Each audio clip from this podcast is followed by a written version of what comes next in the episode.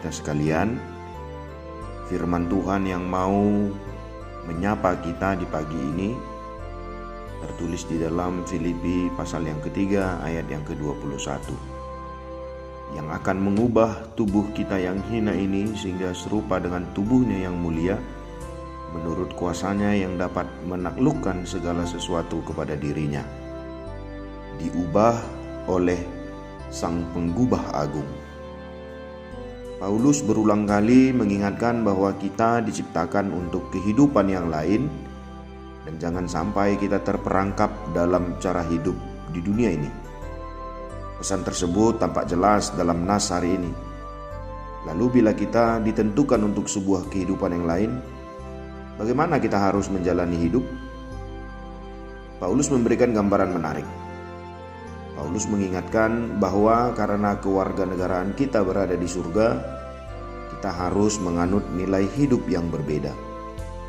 Sebelumnya ia telah mengatakan bahwa kita tidak dihakimi berdasarkan perbuatan manusia, melainkan hanya berdasarkan Kristus dan karyanya di kayu salib bagi kita. Karena itu, kita tak berbeban lagi oleh masa lalu, tetapi mampu meraih apa yang ada di depan. Garis akhir setelah menyelesaikan pertandingan iman yang baik dan bersatu dengan Dia suatu hari nanti. Pesan itu tentu sangat menguatkan bagi jemaat Filipi yang tahu persis seperti apa rasanya hidup di dunia yang berdosa. Bagi kita mungkin sulit sekali menjaga fokus yang benar setiap saat. Seringkali setelah kita bangun pagi, bekerja sampai larut, produktivitas memang baik, tetapi hal itu terkadang menjadi berhala bagi kita. Kita pun sekarang sadar bahwa pikiran kita terarah pada perkara duniawi, bukannya menerapkan cara pandang surgawi dalam setiap perbuatan. Sekarang kita menantikan kedatangan Tuhan Yesus Kristus untuk kedua kalinya. Kita menantikan juru selamat yang akan mengubah tubuh kita yang hina menjadi tubuh yang penuh kemuliaan di dalam Dia. Kita menunggu kedatangannya yang kedua kali untuk membawa tubuh kemuliaan kita dalam kehidupan baru yang penuh sukacita dan damai sejahtera di sana, di kerajaan sorga. Berbahagialah kita yang tidak tergiur, tergoda, dan terperangkap oleh bujuk rayu dan ajaran sesat dari pengajar palsu, pemabuk, pengumbar, hawa nafsu, pendosa, penjahat, penipu, pembohong dan pendusta karena dia sudah menyediakan bagi kita bagian upah besar di sorga. Kembalilah kepada firman Allah. Tuhan memberkati.